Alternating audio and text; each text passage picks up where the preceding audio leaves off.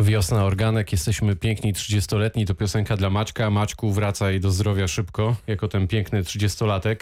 A dziś blogoskop, jak co wtorek o tej porze, 19.33. Darek Wieczorkowski, Łukasz Medeksza. Dobry wieczór. Dobry wieczór, kłaniamy się. Gościem naszym Tymon Smektała. Dobry wieczór, Tymon. Miło mi, dobry wieczór. Człowiek legenda, dziś reprezentant firmy Techland, firmy, która robi gry. Robi te gry między innymi we Wrocławiu i to nie byle jakie.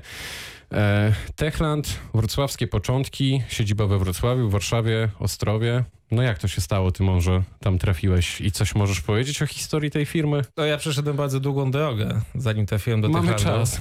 E, Ale zadałeś mi dwa pytania, więc jakby w w jednym pytaniu dwa pytania, nie wiem na które zacząć odpowiadać. Jak ci wygodnie? Mm, e, Ja trafiłem do Techlandu właśnie jak powiedziałem, na koniec dość długiej swojej drogi. Myślę, że nie na koniec, ale, ale jako taki pewien punkt znaczący w bardzo długiej mojej drodze, bo ja w swoim życiu byłem e, doktorem ekonomii, byłem e, Byłeś doktorem No ekonomii. jestem właściwie, to chyba jest tytuł dożywotni. No mam dyplom cały czas na półce. Obok, No, po tej audycji to się może zmienić, Może się także zmienić rzeczywiście. zobaczymy. e, więc obok tego dyplomu ekonomii, e, doktora ekonomii mam trzy wydane płyty hip-hopowe, a obok mam rocznik, czy właściwie kilkanaście roczników magazynu CD Action, w którym pracowałem i z którego wprost trafiłem... Pamiętamy, Tymon, pamiętamy. Przykro mi, no cóż, to były błędy młodości. Człowiek renesansu. Natomiast bardzo dobrze się bawiłem w CD Action. To świetny magazyn był i jest nadal, ale doszedłem do takiego momentu, gdzie właściwie w tym CD Action wydawało mi się, że już e, wszystko zrobiłem. Praca dziennikarza growego, który pisze o grach, bo pe- pewnie nie wszyscy słuchacze o tym wiedzą, CD Action jest to największy w Polsce magazyn, który pisze o grach. I to jest taka branża, która jest bardzo cykliczna. To znaczy są pewne wydarzenia w ciągu roku, które się co roku powtarzają. Tak jednym z takich wydarzeń są targi E3, o których za zaraz pewnie porozmawiamy. One mają miejsce w, no powiedzmy w czerwcu, na przełomie czerwca i lipca i tam się zapowiada nowe tytuły, które się pojawią. Duża część z tych tytułów pojawia się w listopadzie, w październiku, to jest taki okres jakby wysypu e, premier, wtedy zawsze wychodzi nowa FIFA, nowe Call of Duty, nowe Assassin's Creed. No i potem ten cykl ma jeszcze kilka takich innych punktów i jako dziennikarz piszący o grach właściwie miałem wrażenie, że wpadam w taki, taki dzień świstaka, czy taki rok świstaka, czyli zawsze w czerwcu lecę do, do tego Los Angeles zobaczyć te nowe gry. Rutyna, Zawsze- lecę do Los Angeles, tam się trochę ponudzę, wracam, popiszę. To było niestety, no niestety to właśnie fajne, było to, że to było bardzo intensywny czas w tym Los Angeles, bo to są takie targi, które rzeczywiście potrafią dziennikarza, jak również kogoś, kto prezentuje tam gry, wyż, wyżnąć i, i jakby i wycisnąć z niego wszystko. Natomiast poczułem, że tak w takim jestem kołowrocie, że właściwie cały czas robię to samo, że co roku nowy Call of Duty, co roku nowy Assassin's Creed, co, co roku nowy em, z Electronic Games Battlefield.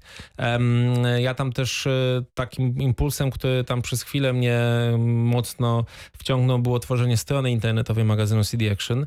Em, to była fajna przygoda, bardzo dużo się nauczyłem, ale znów doszedłem do punktu, gdzie wydawało mi się, że właściwie już też odtwarzam ten sam cykl, tylko w takim em, tygodniowym z kolei wydaniu, czyli zawsze trzeba było na Tymon początku... bardzo się rozwinął. y, Tymon, musimy postawić tutaj kropkę małą. Techland, y, przyszedłeś Właśnie, trochę na dokładnie drugą tak, stronę mocy. dokładnie Najpierw tak. pisałeś o grach, teraz y, od wielu lat, no jakby nie było, widzisz jak to się robi, współtworzysz te gry, największe Mhm. tytuły.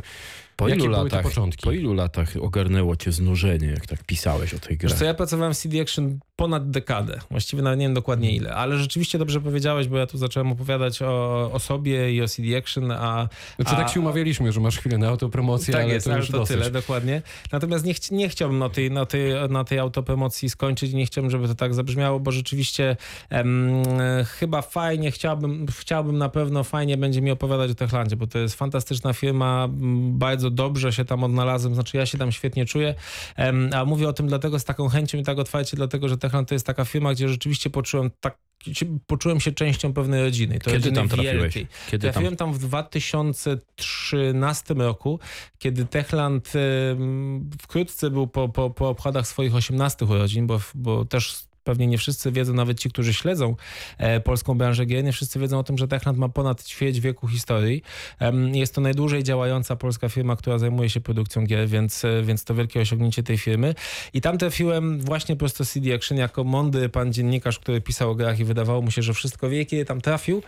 Okazało się nagle, że tak naprawdę to wiem bardzo niewiele. No i co cię zaskoczyło? Wszystko mnie zaskoczyło. To znaczy, zaskoczyło mnie przede wszystkim to, jak e, wielką, skomplikowaną, trudną i zespołową pracą jest tworzenie gier. To znów taka informacja, którą, którą może nie jest dla wszystkich oczywista, że takie, takie produkcje jak te, które wydaje Techland, to są produkcje, które tworzą ogromne zespoły. Zespoły 200, 300, 400 osobowe, często rozrzucone po Polsce czy po świecie, bo my mamy zespół również w Kanadzie, w Warszawie. I to jest taka produkcja, gdzie właściwie każda z tych osób każdego dnia od 8 rano, od 9 rano, od 10 rano, kiedy, kiedy zechce przyjść do pracy, czy kiedy, kiedy się umówi ze, ze swoim lidem, żeby przyjść do pracy, do do, jednego, do jednej gry, do jednego tworu dodaje coś od siebie i to wszystko się dzieje naraz i zapanowanie nad tym to jest problem zarówno dla, dla ludzi, którzy tym kierują, jak i nawet problem jest to mm, taki technologiczny, jak to sprawić, żeby 200 osób mogło naraz pracować nad tym samym produktem, żeby oni swoje prace nie nadpisywali. Można sobie wyobrazić, pewnie wielu słuchaczy miało okazję pisać coś w Wordzie, więc wyobraźmy sobie takie wypracowanie w Wordzie, taki jakiś dokument w Wordzie czy w Excelu, nad którym naraz pracuje 200 osób. No to jest... Ale to nie jest dokument w Wordzie, bo to jest coś, co wymaga bardzo wielu umiejętności programistycznych, multimedialnych, Oczywiście, graficznych. Tak. Dlaczego te zespoły są aż tak duże? E, dlatego, że to jest bardzo duża praca. To znaczy, dlatego, że każdy, każdy taki element, który gracz widzi na ekranie, który traktuje jako coś takiego oczywistego, um, widzi przeciwnika, który unosi rękę do góry i macha maczetą i ta maczeta opada i to zadaje obrażenia. To tak naprawdę sam ten prosty ruch e, to jest coś, co wymaga pracy dwóch, trzech animatorów, e, wymaga pracy dwóch, trzech programistów, wymaga pracy dwóch, trzech modelerów, którzy tworzą te obiekty, wytwarza, wymaga pracy dwóch, trzech e, tak zwanych charakter artystów, czyli ludzi, którzy modelują mm, te trójwymiarowe postacie, koncept artystów, którzy przygotowują takie rysowane prototypy, wzory, wzorce tego, jak te postacie mają wyglądać, jak ta broń ma wyglądać. Dwóch, trzech designerów, którzy dokładnie wymyślą, ile ta broń, jak opadnie, zada obrażenia, dlaczego tyle, z czego to wynika każdy taki najdrobniejszy nawet element to, to, to, to jest praca całego zespołu ludzi. Ile trwa wytwarzanie takiej gry? E, Dying Light to nasza ostatnia produkcja i największa nasza produkcja do tej pory. Powstawał, no myślę, że mogę powiedzieć 3 lata, choć trochę tutaj skracam ten czas, ponieważ to były 3 lata produkcji, ale wcześniej jeszcze były też prace koncepcyjne, gdzie dużo mniejsze grono, kilku, kilkunastu osób podstawy tej gry wymyślało. I im lepiej im ta praca pójdzie, im lepiej oni to wymyślą, tym łatwiejsza jest późniejsza produkcja i tym łatwiej potem całemu zespołowi ten produkt tworzyć. No, faktycznie jest coś e, w tym, o czym mówisz, że złożoność e, tylu osób jednocześnie pracujących i zapanowanie nad tym to jest wielka sztuka, tym bardziej, że nasz e, cotygodniowy półgodzinny program tworzy prawie 50 osób, więc faktycznie coś na ten temat wiemy.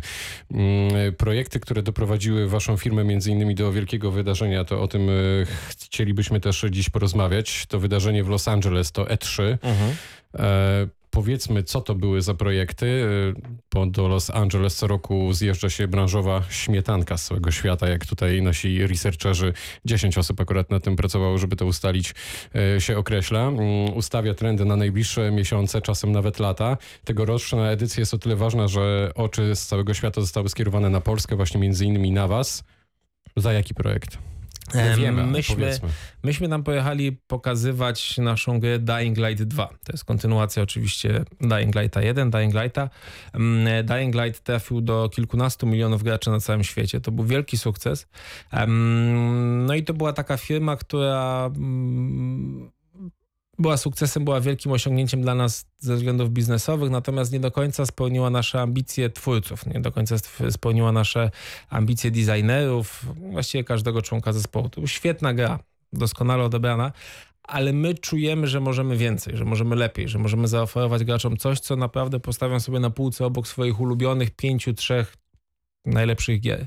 Mm, z takim nastawieniem, mając ten komfort, że pierwsza część nam się udała i że została dobrze odebrana, zaczęliśmy pracować nad kontynuacją. Zaczęliśmy pracować w taki sposób, żeby to, gdzie czuliśmy, że możemy więcej, to tam dać naprawdę więcej. To znaczy nie tam tylko troszkę dosypać, ale wrzucić cały wagon jakby nowej jakości, nowych pomysłów, nowych rozwiązań.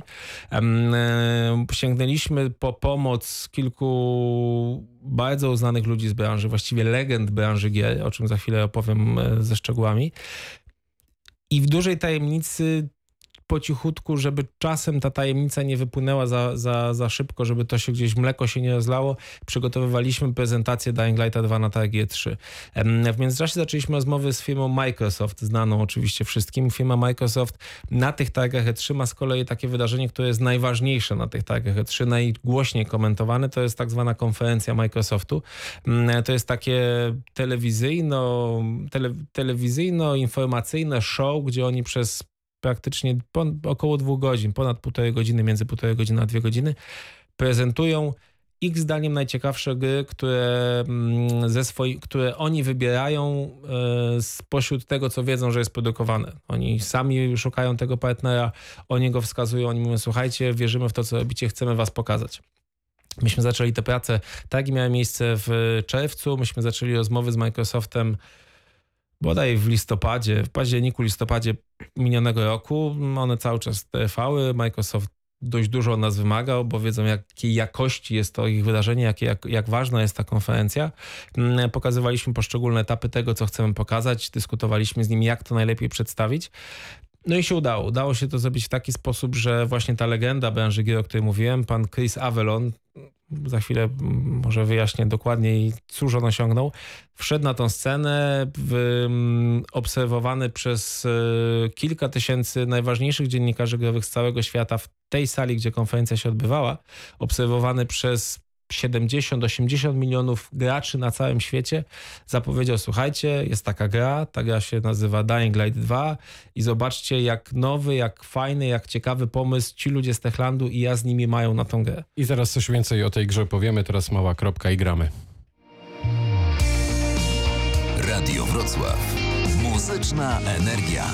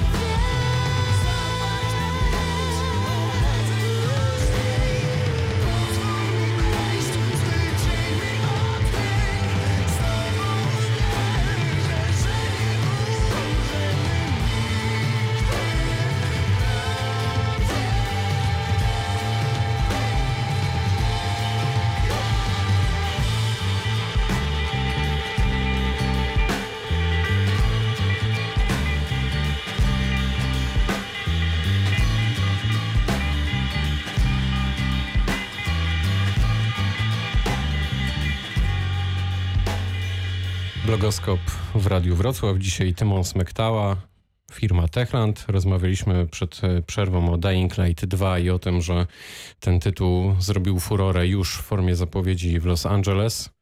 No to czego mogą się gracze spodziewać? Zdrać nam tutaj jakąś petardę, na którą się umawialiśmy, bo trochę nas to kosztowało jednak. Myślę, że mogą się spodziewać e, wyjątkowej gry, gry innej niż wszystkie, które do tej, do tej pory doświadczyli. To jest zasługa, ja mówię o legendzie, która powiedziała, zapowiedziała Dying Light 2 na scenie Microsoftu e, na E3. Tą legendą był facet, który się nazywa Chris Avalon. I Chris Avalon jest takim e, legendą, nie chcę już powtarzać w kółko tego słowa, natomiast jest takim wymyślaczem światów i wymyślaczem opowieści, który stoi za kilkoma tytułami absolutnie kultowymi, klasycznymi w historii gier. Po pierwsze jest to Fallout, czyli no taka gra, którą każdy, kto zajmuje się grami, gdzieś tam słyszał o niej. Również to jest na przykład taka gra jak e, Star Wars Knights of the Old Republic, czyli taka uważana za najlepszą grę osadzoną w, realium, w realiach e, świata Gwiezdnych Wojen. Ale to, co sprawia, że Chris Avalon jest taką legendą, to, co sprawia, że on jest tak wyjątkowy i tak ceniony przez graczy, to jest to, że on wymyśla takie światy i takie historie, gdzie gracze mogą je sami kształtować.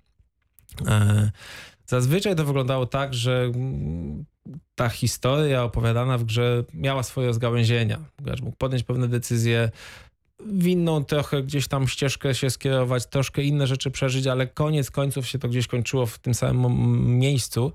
Natomiast to, co myśmy wymyślili z Chrisem, to jest coś takiego, że te decyzje gracza, które znowu podejmuje, mogą go zaprowadzić właściwie w zupełnie inny jakby kawałek tej historii, w zupełnie inne miejsce tej historii, do zupełnie innej puenty, do zupełnie innego zakończenia, a jednocześnie każda z tych decyzji zmienia świat dookoła gracza. To są takie decyzje, które sprawiają, że nagle w pewnej dzielnicy pojawia się grupa jakichś bardzo złych bandziorów, albo w innej dzielnicy pojawia się frakcja, która zaprowadza porządek, ale w sposób taki mocno policyjny. W ten sposób swoimi decyzjami gracz tworzy ten świat, w którym się e, dzieje akcja Dying Light 2 i na końcu, kiedy może sobie tak stanąć na szczycie wysokiej wieży, a to akurat jest proste, bo nasza gra polega między innymi na tym, że gracz ma dużą swobodę ruchu, więc może się dostać wszędzie. Więc jeśli na końcu stanie sobie na szczycie tej przysłowiowej wysokiej wieży i spojrzy z, z tej wieży na to miasto, które stworzył, to widzi, że to jest jego dzieło. I teraz ciekawe jest to, że w naszej grze można też zaprosić innych graczy do siebie, czyli do tego świata, który ja stworzyłem, mogę zaprosić swoich przyjaciół, oni zobaczą, jak to wygląda u mnie, jak ta historia się potoczyła u mnie, a ja mogę wejść do ich światów i z kolei doświadczyć tego, jakie oni decyzje podjęli. Czyli jednocześnie grając budują miasto. Tak jest, to dokładnie tak wygląda i to jest, no, to jest tak, jakbyśmy mieli e, taki film, dowolny film, czy to M jak Miłość, czy Terminator, czy, czy Pianista, który ma wiele wariantów tej historii. Tak naprawdę w naszym przypadku to co najmniej są dziesiątki, jeśli nie setki wariantów i każdy z widzów może swoimi decyzjami, myślami, tym jak chce to, po, poprowadzić tą fabułę, w inny sposób ją kształtować i, i, i inaczej, inaczej mm, e, zobaczyć inne zakończenie pianisty, nie wiem, doprowadzić do tego, że koniec końców Leonardo DiCaprio i Kate Winslet są szczęśliwi i zakochani w tym Titanicu przysłowiowym.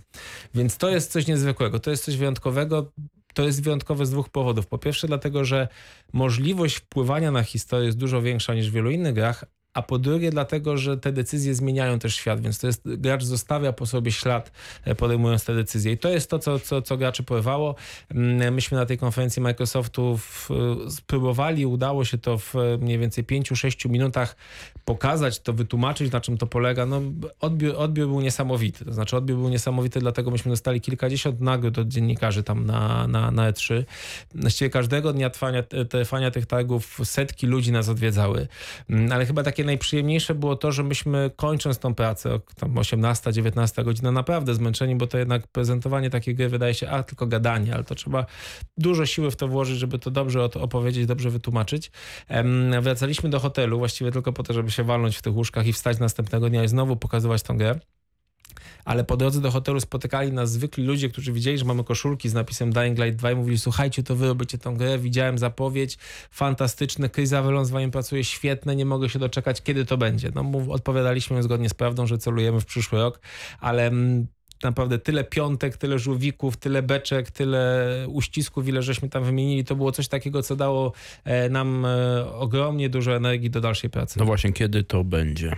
W przyszłym roku, celujemy w przyszły rok. A tutaj mm, oczywiście wszystko się może zdarzyć. To jest taka branża, gdzie ze względu na złożoność tych produktów, na to jak duże one są, wszystko się może zdarzyć, natomiast celujemy w przyszły rok i wydaje się, że, że, że tutaj na razie nie ma żadnych powodów do niepokoju. Macie poczucie, że przecieracie szlaki, że to jest coś naprawdę innowacyjnego, Myślę, że tak. Myślę, że tak. Myślę, że tak i myślę, że to zostanie docenione. Bardzo mocno w to wierzymy, bo, bo myśmy też z pierwszą częścią Lighta właściwie te szlaki trochę przetarli i mm, myśmy zaproponowali grę, jak już wspominałem, gdzie największą i największym atutem jej, największą zaletą, największą nowością było to, że gracz mógł dostać się wszędzie. Mógł w taki, tak zwanym otwartym świecie, czyli nie kierowany gdzieś jakimś tunelem, tylko stając przed ogromnym miastem, które czekało tylko na niego, pobiec wszędzie, wspiąć się wszędzie, jakby przez długi czas mówiło się, że w takich grach, jakie my tworzymy, czyli w grach, w których widać akcje z, z oczu gracza, tak zwanych grach FPP, mm, gracze są zamknięci w tunelu, ma, mają po bokach postawione niewidzialne ściany, za które nie mogą wyjść. W naszej grze